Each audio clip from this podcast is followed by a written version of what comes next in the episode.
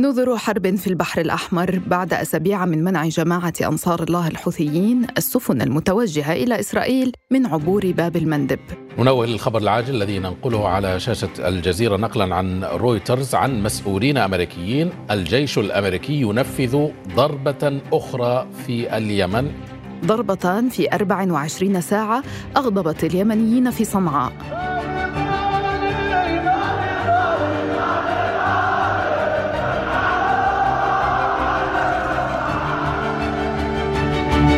تندلع شرارة حرب إقليمية في البحر الأحمر؟ بعد أمس من أثير الجزيرة أنا روعة أوجي بدأ التوتر في البحر الأحمر مع بداية حرب الإبادة الجماعية التي ينفذها الاحتلال الإسرائيلي في غزة حين دخلت جماعة أنصار الله الحوثية على الخط وأعلنت أنها ستستهدف وستمنع أي سفينة متوجهة إلى تل أبيب حرصها الكامل على استمرار حركة التجارة العالمية عبر البحرين الأحمر والعربي لكافة السفن ولكافة الدول عدا السفن المرتبطة بالإسرائيلي أو التي سوف تقوم بنقل بضائع إلى الموانئ الإسرائيلية. وبدلا من أن تضع واشنطن حدا للجرائم الإسرائيلية شكلت تحالفا عسكريا في البحر الأحمر باسم حارس الازدهار. وأصدرت انذارات من أن ما يحدث في البحر الأحمر تهديد للملاحة الجوية. ومع ختام جولة وزير الخارجية الأمريكي أنتوني بلينكن للمنطقة جاء الرد الأمريكي بضربتين جويتين استهدفت عشرات المواقع في صنعاء والحديدة.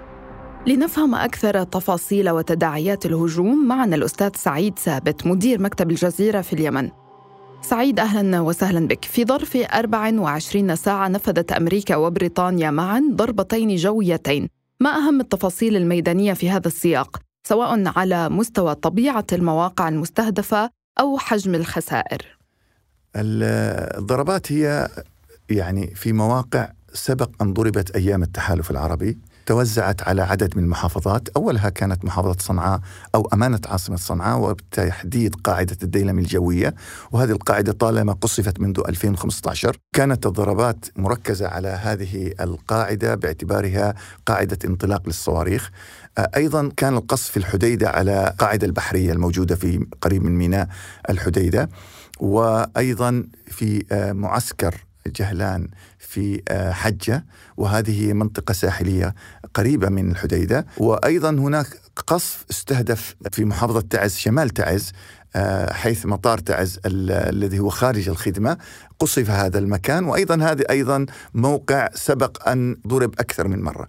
هذه مواقع أغلبها يعني خاملة لكن القوات الأمريكية والبريطانية بالتحديد اختارتها كأهداف ربما لتكون بمثابة رسالة على اعتبار أنهم في المرة القادمة ربما أنهم قد يتعدون إلى مناطق أكثر اتساعا في اليمن. بعدها بساعات اطلق أيضا قصف على صنعاء على شمال صنعاء يعني في نفس المنطقة قريب من مطار صنعاء وكان أيضا بمثابة رسالة. بالأمس أيضا كانت هناك غارات وتحليق مكثف للطيران المسير الأمريكي البريطاني على طول الشاطئ الغربي لليمن خاصة في مناطق الحديدة. لم تسجل قصف فيها لكن في هذا الحدود كانت العملية العسكرية. ردا على الهجمات خرج مسؤولون في جماعة أنصار الله الحوثيين بتصريحات نبرتها عالية. ولا يمكن أن يكون هذا العمليات دون رد من قبل القوات المسلحة اليمنية وهو يثبت فاعلية الموقف اليمني وصوابية الموقف اليمني الذي ينطلق من مبدأ ديني وأخلاقي وإنساني أمام صمت مريب تريد أمريكا وبريطانيا أن تقتل الفلسطينيين بصمت. تصريحات نبرتها عالية. وبعد الهجمة الثانية غرد حزام الأسد عضو المكتب السياسي للجماعة على حسابه بمنصة أكس قائلا تريدها واشنطن حربا مفتوحة فلتكن سعيد كيف تقيم ردة فعل الجماعة بعد الضربتين؟ هو طبيعي أن يكون الرد بنبرة عالية جدا لأن تعرض الحوثيون الحقيقة في البحر إلى ضربة قتل فيها عشرة من مسلحيه كما أعلنت جماعة نفسها. وأيضا سبق أن صدر قرار لمجلس الأمن بإدانة هجماتهم وهذا أيضا من الناحية الدولية فيها نوع من العزل السياسي نسبيا طبعا. ولكن القصف الذي وقع في مناطق صنعاء والحديدة وحجة وتعز لمواقع محددة للجماعة جعل الحوثيين يرفعون من نبرة صوتهم ونبرة تهديداتهم لدرجة أن مكتبهم السياسي يقول أن أو, أو قياداتهم الرفيعة تقول أن المصالح الأمريكية باتت في مرمى تهديداتنا. بمعنى المصالح الأمريكية هنا ليست بالضرورة القواعد العسكرية لكن المصالح الأمريكية قد تكون في المنطقة وهذا أيضا يهدد ما دأبت عليه كثير من الأطراف العربية والإقليمية الدولية أيضا بتحقيق هدنة في ما بين الحوثيين وجار الشمال يعني السعودية لفترة صمدت. ولذلك هذا التهديد عندما يستقصد الحوثيون يتكلمون عن تهديد المصالح الأمريكية هو طبعا يتعلق فيها حركة الاقتصاد، النفط، أيضا السفن، السفارات، مفهوم عام. بالحديث عن دول الإقليم من بين دول المنطقة لم نشهد سوى انضمام البحرين حيث يتمركز الأسطول الخامس للولايات المتحدة وبعد الضربات صرحت الخارجية السعودية أن مثل هذا العمل يهدد الاستقرار في المنطقة دول الإقليم كيف ترى ما يحدث في اليمن اليوم؟ السعودية بالتحديد حريصة جدا على ألا تنزلق في مواجهة مع الحوثيين في هذه المرحلة. لديها أجندة خاصة بها بناء اقتصادي وغيرها من الاستحقاقات. لا تريد أن تدخل في حرب مع الحوثيين. وأيضا الحوثيون لديهم حرص هذه المرة. يبدو أنهم يدخلون في حوار يبنوا على الحوار الذي بدأ في مسقط مع السعودية لبناء علاقة خاصة بين الطرفين. لذلك نأت تماما السعودية عن هذا الصراع وتأخرت في تحديد موقف. وعندما صدر الموقف صدر موقف تصالحي يدعو إلى مصالحة. الإمارات في البداية كانت تقوم بدور تحريضي للأمريكان لكن يبدو أنها تلقت تهديدات أن تكون هدفا من الأهداف. لذلك تأخرت وعندما أصدرت بيان أصدرت بيان أيضا عام غير الذي هو كان معتاد في خطاباتها طبعا عمان أدانت الهجوم ودول الكويت وغيرها دول المنطقة ومصر والدول العربية كلها أدانت الهجمات على اليمن لكن البحرين هي الوحيدة التي تورطت أو دخلت في هذا الحلف. وإن لم يكن كمشاركة فعلية لكن كجانب لوجستي. لعل الإقليم يريد في هذه المرحلة أن يدخل في مرحلة مصالحات ذاتية وأيضا هو يعاني من ضغط الشارع فيما يتعلق في غزة. ينظر لها الإقليم وينظر لها الشعوب أيضا مش فقط الإقليم كدول أنه هذه الحرب التي فتحت في جنوب البحر الأحمر واستهداف الأراضي الامنيه لم تكن إلا من أجل مصالح إسرائيل وبالتالي لطالما ظلت الدول المنطقة تحترق سنوات أكثر من عقد كانت الإدارة الأمريكية لا تأبه لها. عندما بدأت تستهدف المصالح الإسرائيلية بدأ العالم أو بالتحديد الولايات المتحدة وبريطانيا ودول اللي كانت تسمى الدول الاستعمارية في الماضي تنهض لإحراق المنطقة من أجل مصلحة الدول. ما هي الخطوط الحمراء للحوثيين؟ يعني هو لا يريد فعليا جر اليمن إلى حرب إقليمية ولكن في الوقت نفسه متمسك بهذا الموقف المناصر لغزة، ما هي المساحة التي يمكن أن يلعب فيها؟ روعه حتى الآن الصراع أنا أسميه في دائرة المناوشة، يعني لم يدخل إلى مرحلة الصراع المباشر والحاد بين الطرفين. الحوثيون حريصون جدا أنهم لا يدخلوا في دائرة الاستهداف الدولي بحيث أنه يصيروا هدف للمجتمع الدولي كله ويريدون أن يحددوا أهدافهم بإسرائيل وبمن يدعم إسرائيل بمعنى التي تذهب السفن إلى إسرائيل وبالتالي خطاباتهم كلها تركز على هذا. لكن هناك نوع من التقاطع والتداخل بين الأمريكان والبريطانيين بالتحديد مع الإسرائيليين. بمعنى كثير من المصالح الإسرائيلية هي مربوطة بالمصالح الأمريكية والعكس. ولذلك هم يحاولون أن يفكوا هذا الاشتباك بين الطرفين ويحرصون عليها لكنهم في عشرة يناير الماضي أو 11 يناير الماضي عندما بدأت الضربة الصاروخية الحوثية في البحر لهدف أمريكي واعتبرتها أمريكا سابقة خطيرة وعلى ضوئها قصفت اليمن أو قصفت مناطق في اليمن آه هذا الأمر كان خروج عن عن المرسوم ولذلك اعتبرت الأمريكان كأنهم أدركوا أيضا أن هذا خطأ في السياق فكانت الضربات اللي تكلمنا عنها في بداية حديثنا ضربات غير مؤثرة صحيحا لكن صحيح لكنها آه، ذات دلالة أو رسالة لفرملة الحوثيين فيها. الحوثيون بالمناسبة هم أكثر سعادة بأن يدخلوا في مواجهة لأن آه، هم ينظرون إلى أن هذه أيضا تعزيز لوجودهم لشرعيتهم آه، يحقق آه، حضور لهم يخرجهم من دائرة الضغط الشعبي بمعنى المتطلبات الداخلية كرواتب وقضايا معينة إلى هذا الأمر. والأمريكان يدركون ذلك ولا يريدون أيضا أن يحققوا هذا الهدف بهذا الشكل الكبير. لذلك هي معادلة معقدة إلى حد مركبة كثيرة فيها.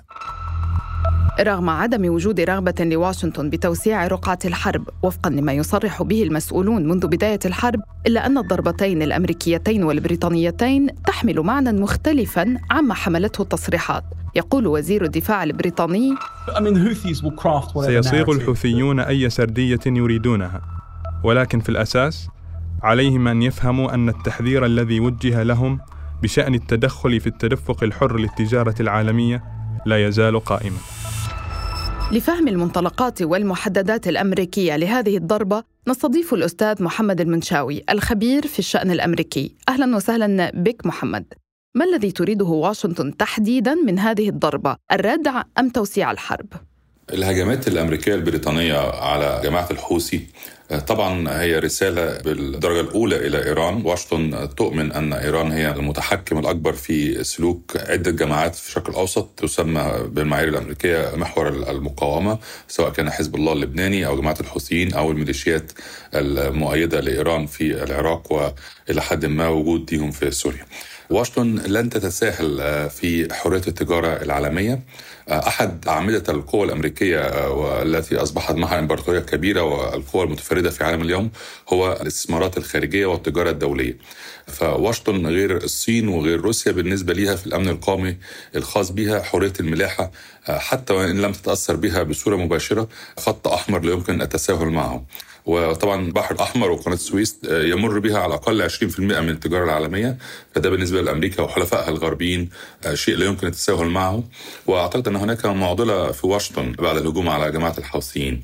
هم يدركون أن هذا سيؤدي إلى تصاعد العنف على الأقل في الفترة القصيرة القادمة في مضيق باب المندب لكنهم يؤكدون أيضا في أحاديثهم أن عدم مهاجمة الأهداف الحوثية كان سيزيد ويعطيهم ثقة بالنفس من أجل القيام بالهجمات التي لم تتوقف خلال الشهر الأخير.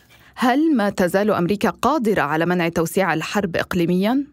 طبعا واشنطن آخر ما تتمناه هو توسع الحرب آه، والعدوان الجاري على غزة الآن ليشمل آه، الجبهة الشمالية لإسرائيل حزب الله أو اليمن. لكن يبدو أنها لن تتحكم في مسار الأحداث. هناك ربما ردع لحزب الله وتوازن دقيق جدا هجمات محدودة بينه وبين إسرائيل وفي إطار المقبول حتى الآن بالمعايير الأمريكية. وهناك أيضا هجمات ومضايقات متكررة بين الميليشيات المؤيده لإيران في العراق وسوريا والقوات الأمريكية المتواجده هناك لكنها أيضا في إطار الحسابات الدقيقة المحسوبة من الطرفين. هجمات متبادلة ولكن لا تصعيد ولا وقوع ضحايا باعداد كبيرة في الطرفين. بعد الضربتين رفع الحوثيون من التهديد وصرحوا أن المصالح البريطانية والأمريكية باتت هدفا مشروعا. كيف ستتعامل أمريكا مع أي تهديدات مباشرة لمصالحها؟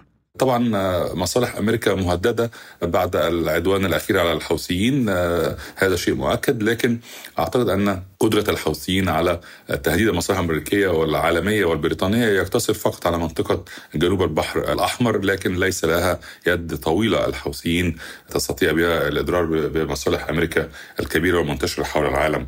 والولايات المتحدة تدرك منذ بدء العدوان الإسرائيلي على غزة أن مصالحها مهددة بسبب دعمها الكامل لإسرائيل دبلوماسيا وعسكريا وسياسيا واقتصاديا واستخباراتيا. هذا ليس سرا أمريكا أرسلت حاملات طائرات والاف الجنود وتساهم آه، بمساهمة كبيرة في دعم العدوان الإسرائيلي في كل الأصعدة الآن. ماذا عن الكونغرس المنقسم أصلا حول التعامل مع ملف اليمن وكيفية التعامل مع الحوثيين؟ هل الكونغرس الآن على قلب رجل واحد فيما يخص هذه الهجمات؟ طبعا في الداخل الأمريكي هناك معارضة كبيرة جدا من التيار التقدمي داخل الحزب الديمقراطي آه، لأي عمليات حربية قامت بها الولايات المتحدة وما قامت به ضد الحوثيين ليس استثناء. هم يرون أن الرئيس الأمريكي خالف قواعد الدستور ليس له الحق في شن هجمات أو القيام بأعمال عسكرية دون رجوع إلى الكونغرس. لكن الرئيس يستند إلى قانون حق الدفاع عن النفس وهو يعطي القوات الأمريكية المنتشرة حول العالم الحق في الرد الفوري على أي هجوم يتعرضون له طبقا لتقديرات القادة العسكريين. فالخلاف السياسي لا أعتقد أنه له تأثير كبير جدا على السلوك الأمريكي. غالبا كل التورطات الأمريكية العسكرية تبدأ بانتقادات كبيرة لكن مع بدء القتال يصطف الأمريكيون على اختلاف ميولهم السياسية لدعم القوات المسلحة الأمريكية. فهذا أيضا ليس استثناء. لكن المثير أن أننا بدأنا في موسم انتخابات أمريكية طويل يوم الاثنين الماضي تبدأ الانتخابات التمهيدية في ولاية ايوا وآخر ما يتمناه الرئيس الأمريكي أو اي مرشح رئاسي يحاول الحفاظ على مقعده في البيت الأبيض أن تتورط بلاده في حرب خارجية خاصة إذا وقع اي ضحايا أمريكيين.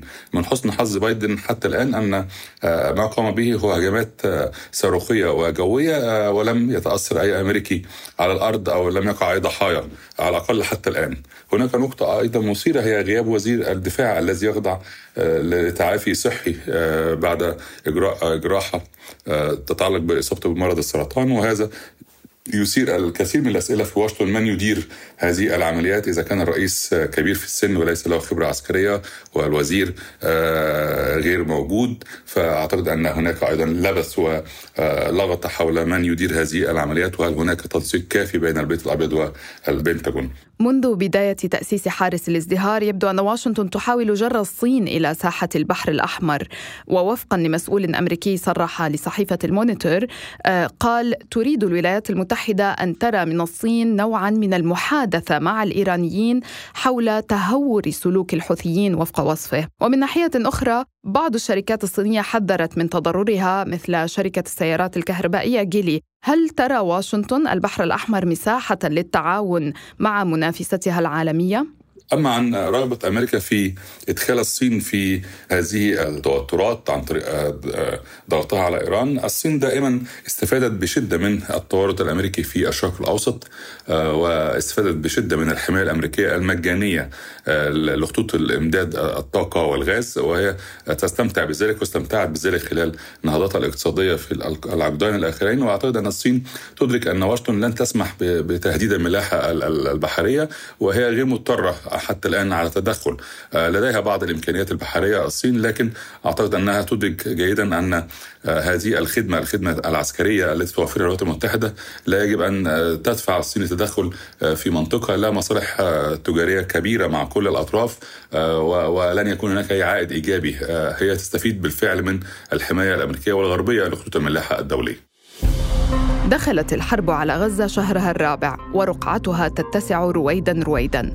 وما كان بالأمس يعد ضربات مدروسة واهدافا دقيقة قد يتحول دون وعي إلى حرب تحرق الأخضر واليابس. بعد أمس من أثير الجزيرة تابعونا عبر كافة منصات البودكاست وأرسلوا لنا أسئلتكم ومقترحاتكم في التعليقات وعبر حسابات أثير على مواقع التواصل الاجتماعي. دمتم بخير ونلتقي بعد أمس.